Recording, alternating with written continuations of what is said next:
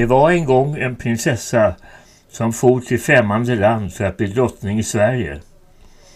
Nu har det gått 200 år och hennes ättlingar sitter fortfarande på tronen. Vi ska nu få höra en exposé över drottning Sofias liv och gärning. Det är Sonja Lundegård som är berättare.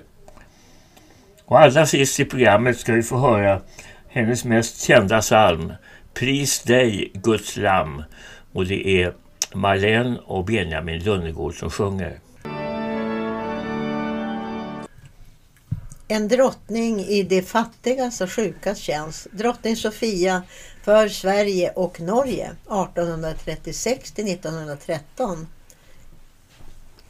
Efter en tid av ryktespridning bekräftade hovet den 2 oktober 1856 att prins Oscar var förlovad med prinsessan Sofia av Nassau. De gifte sig den 6 juni 1857 i slottet Bibrich nära Bonn i sydvästra Tyskland. Efter Karl XVs död 1872 blev de Sveriges kungapar efter en bejublad kröning i Storkyrkan i Stockholm den 12 maj 1873. Üstens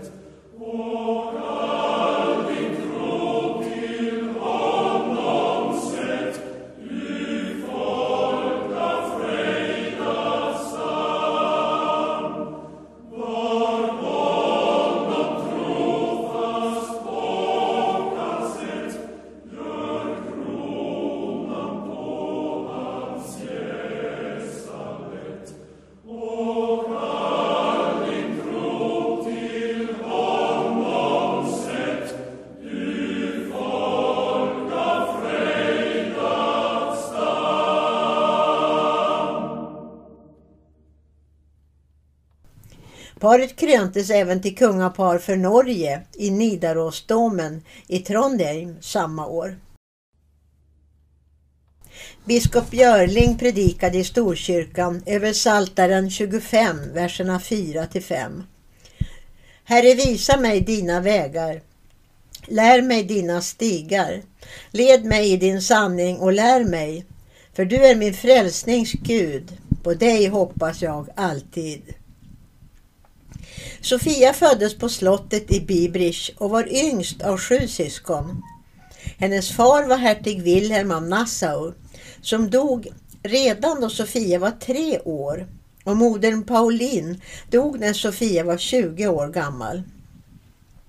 Hon flyttade då till sin äldre syster Maria, förstinnan av Vid, där på slottet Monrepos träffade Sofia sommaren 1856 sin blivande make, den svenske prinsen Oscar. När prinsessan Sofia mottogs vid altaret av prins Oscar kom hon klädd i blå klänning med svandun. Därför kallades hon den blå hertiginnan. Hon hade en gedigen utbildning bakom sig och hade redan läst in sig på sitt nya hemlands historia och lärt sig tala både svenska och norska. Hertigparet Sofia och Oskar flyttade in i arvfurstens palats vid Gustav Adolfs torg. Där föddes deras fyra söner. Prins Gustav 1858, Oskar 1859, Karl 1861 och prins Eugen 1865. Sofia önskade en skola där prinsarna fick nötas mot andra barn och få en fostran som anstod en prins. Hon valde det enskilda läroverket, den så kallade Beskowska skolan på Mäster Samuelsgatan 39. Sofia var ofta närvarande vid lektionerna som ibland leddes av pastorn och hovpredikanten Gustav Beskow som var skolans upphovsman. Trots att Sofia var sjuk under större delen av sitt liv med värk, trötthet och krampanfall hade hon ett glatt humör och kunde vara skämtsam även i kritiska situationer. Det stränga nordiska klimatet frestade dock på hennes sjukdom och tvingade henne ofta att vistas utomlands under den kalla perioden. Efter kröningen försämrades hennes hälsa och hon sökte flera läkare ute i Europa för sitt nervlidande. Men ingen kunde hjälpa henne. Till slut blev hon rekommenderad en operation av Dr. Metzger i Amsterdam. Den 5 april 1887 opererades hon i porslinsrummet på Stockholms slott av professor Maurits Salin. I rummet intill knäböjde kung Oscar och de fyra prinsarna medan hovpredikanten Gustav Beskow bad om en god utgång. I alla kyrkor i Sverige och Norge bads en påbjuden kyrkobön inför den riskfyllda operationen. Operationen blev dock lyckosam och drottningens hälsa förbättrades påtagligt.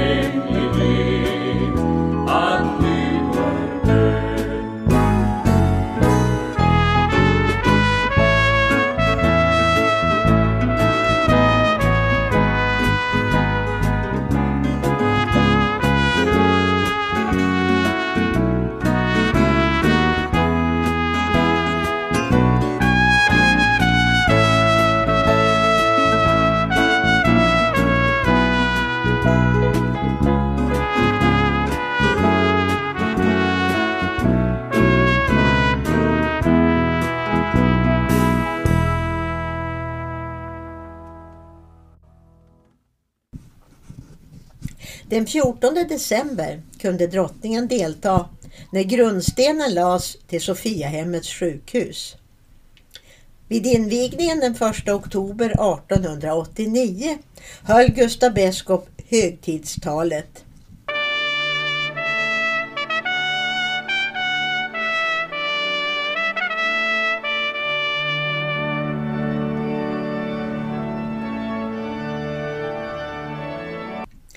Redan när Sofiahemmet bara var en tanke lämnades det i Guds händer under allvarlig bön om hans välsignelse.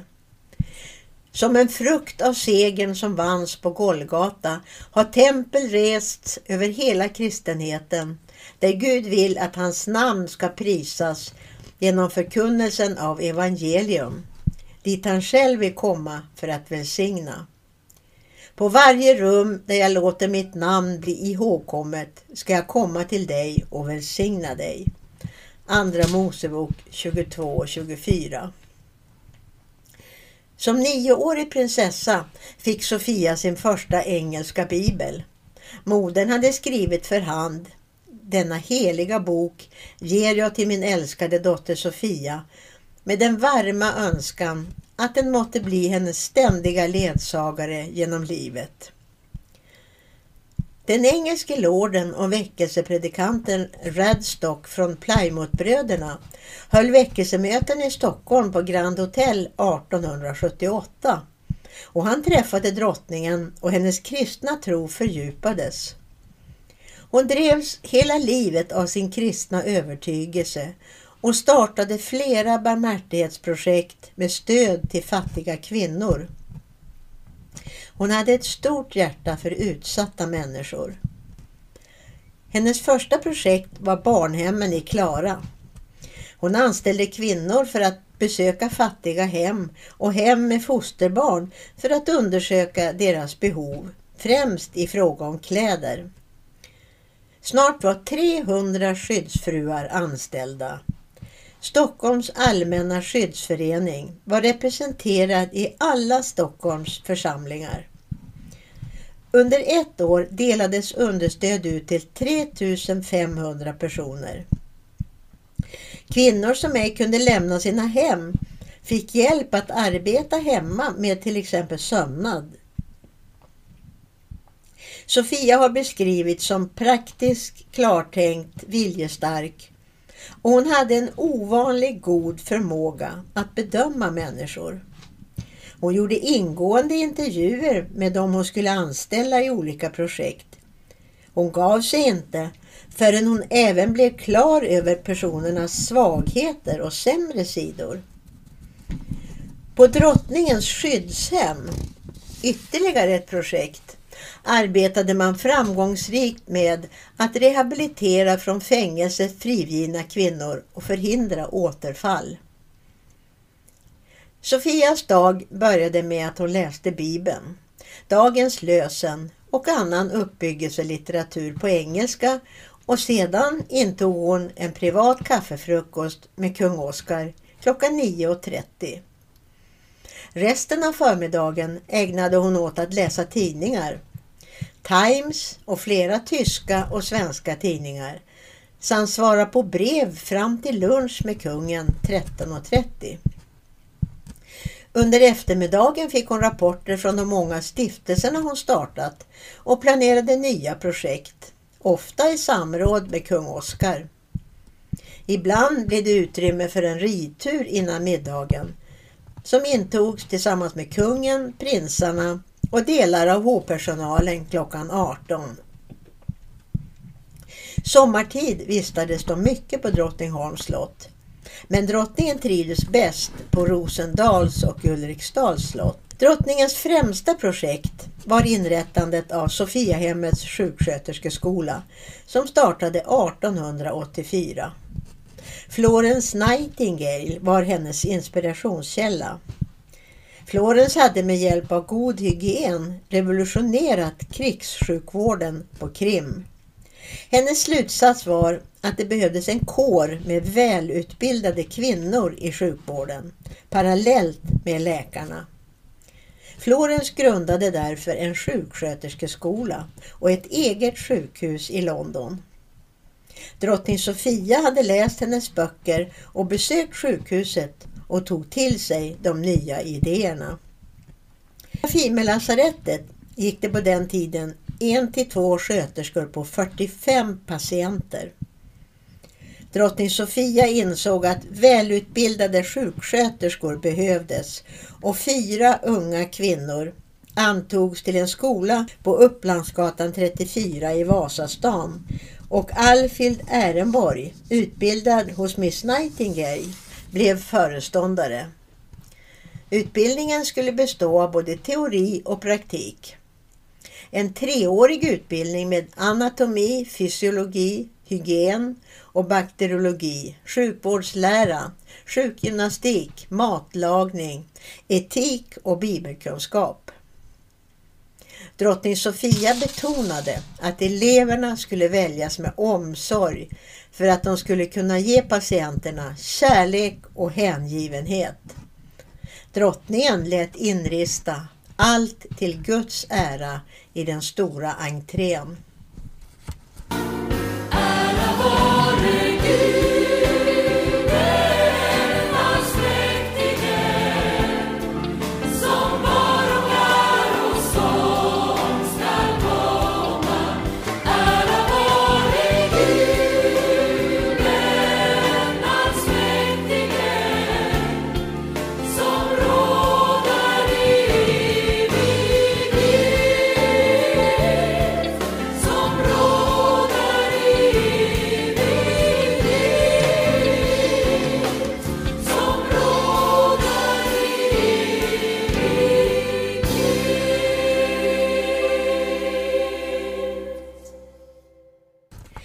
Snart uppstod samarbetssvårigheter med de sjukhus där eleverna praktiserade. Läkarna var inte odelat positiva. För att ge eleverna bästa möjliga kliniska utbildning och kunna erbjuda vård åt patienter ur alla samhällsklasser lät drottningen bygga det nya Sofiahemmet på Vallalavägen på Östermalm med sjukhus, skola och sjuksköterskehem. I enlighet med drottningens intentioner byggdes även ett vilohem för äldre sjuksköterskor. Sofiahemmet tillkom under en intensiv utvecklingsperiod för sjukvården. Kirurgin utvecklades med narkos och antiseptik. Man opererade istället för att bara amputera skadade kroppsdelar. Vid Sofiahemmets 25-årsjubileum 1914 hade 16 000 operationer utförts på sjukhuset. Då hade också läkarnas protester mot den nya yrkeskåren tystnat. 506 sköterskor hade utexaminerats och de arbetade i privat vård eller på sjukhus ute i landet. Vid examinationen delade drottningen ut biblar och en speciell brosch med ett bibelord från Romarbrevet 1 och 16. Jag skäms inte för evangeliet. Det är en Guds kraft till frälsning för var och en som tror. Juden först, men också greken. Sofiasystrarna bar också den särskilda Sofiamössan. Det vita tyget symboliserade ljusa i livet. Det svarta bandet allvaret i livet. Spetsen glädjen i livet och väcken på mössan tio Guds bud. Och väcken på spetsen tinnarna i drottning Sofias krona. Efter världskrigens krisår tog den medicinska utvecklingen ny fart med antibiotika och psykofarmaka. Vårdtiderna förkortades när man upptäckte att patienterna mådde bättre av att snabbt komma på benen efter operationen. Sofiahemmet har alltid legat långt fram i den medicinsk-tekniska utvecklingen. Här tillkom Sveriges första privata röntgenavdelning under ledning av radiologins fader Gösta Forsell. Och här utvecklades den första strålkniven i världen av professor Lars Lexell. Som ordförande i Sofiahemmets styrelse höll prinsessan Kristina Magnusson i examinationen under många år och avlöstes 2017 av prinsessan Sofia. Under sommarmånaderna vistades makarna på olika håll. Oscar II drog till Marstrand med sitt fartyg Drott. Sofia var ofta i Norge där hon trivdes särskilt bra. Hon startade till exempel ett hem för utvecklingsstörda. Sofies Minde i Christiania, nuvarande Oslo. Hon manade till fred och försoning då norrmännen ville lämna unionen med Sverige. Unionsupplösningen 1905 fick ett fredligt slut. Mycket tack vare drottningens råd till kung Oscar och sonen kronprins Gustav.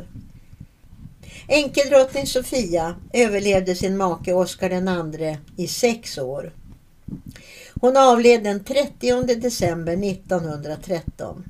In i det sista låg utbildningen av Sofiasystrarna henne varmt om hjärtat. Det sista evenemanget hon deltog i blev deras examen den 3 december. Ceremonin ägde rum på slottet eftersom drottningen var sängliggande.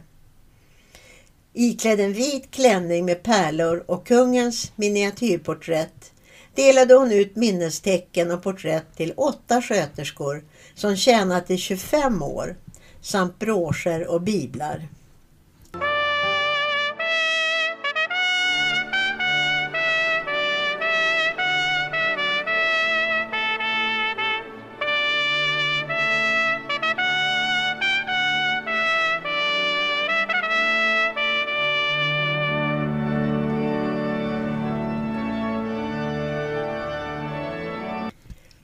Ni har fått den rätten att tjäna de lidande. Utöva den med kärlek och ödmjukhet. Glöm er själva för att tjäna den sjuke. Låt oss aldrig glömma att vi inte förmår något i egen kraft utan endast genom Kristus som ger oss kraft. Håll er därför nära till Gud i bön och bruka hans ord. Anropa honom ständigt, varje dag, om kraft och vishet, om tålamod och kärlek. Bara så kan ni bli vad en rätt sjuksköterska bör vara. Mina innerliga förböner följer er på vägen. Ur drottning Sofias tal till sina utexaminerade Sofiasystrar. Drottning Sofia satt på tronen i 35 år, längre än någon annan svensk drottning. Hon firade också guldbröllop med Oscar II 1907, som enda svenska kungapar hittills har gjort. Kung Oscar skrev år 1900 Älskade maka, hur skulle jag idag på Sofiadagen bättre kunna visa ett tacksamt hjärtas glädje än genom en gåva till det hem du stiftat till lidande medmänniskors hjälp i nöden och som i dubbel mening kan kallas ditt. Jag vill överlämna en gåva på 10 000 och ber dig själv bestämma om dess användning till Sofiahemmets bästa. Otaliga är de projekt som drottningen startade, hela tiden med stöd av sin make. Folken i Sverige och Norge älskade sin drottning, vars liv lämnade djupa spår av välsignelse. Orden ur den 84 salmen passar väl in på drottning Sofias liv. Saliga är de som har sin styrka i dig, som har dina vägar i sitt hjärta. När de vandrar genom Tåredalen gör de den rik på källor och höstregnet täcker den med välsignelser. De går från kraft till kraft, de träder fram inför Gud på Sion. Drottning Sofia skrev också psalmer och den mest kända av dem är Pris dig Guds lamm som världens synd borttager. Och vi får höra den insjungen av Benjamin och Marlene Lundegård. Pris dig Guds lamm som världens synd borttager. Tack att av nåd du frälst min arma själ. I vita skruden jag min Gud behagar och säger glatt till synd och värld farväl. Farväl då värld med all din gunst och ära. Din usla vänskap gör min själ ej nöjd. Vik bort från mig, jag vill ditt ok ej bära. Sen av Guds nåd jag fått en bättre fröjd. Slut mig, o Jesus, tätt in till ditt hjärta och låt mig smaka, se hur god du är. Då skall ej synd och värld, ej lust och smärta mig kunna skiljas från dig, Jesus kär. Ut i din nåd, din sanning och din fruktan behåll du med din kärlek stödse mig och bilda fostra med din andes tuktan mig till att evigt älska prisa dig. Pris dig Guds lamm som bär som med ditt blod så dyrt själv köpte mig. Och mig var dag med detta blod rent vager. Lov, ära, tack och pris sker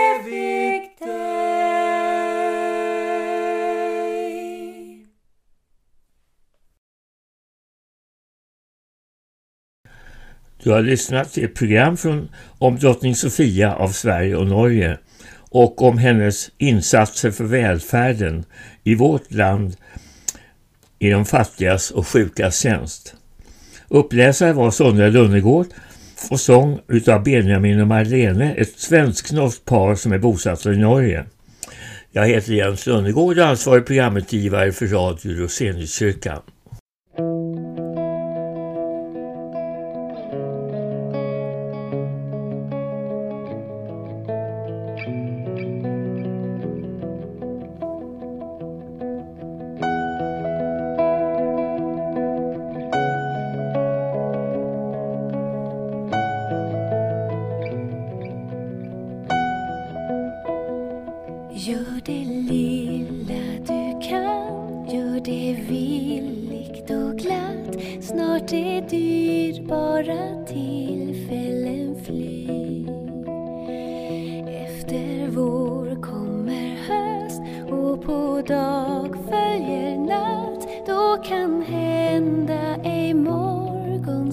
Fröjd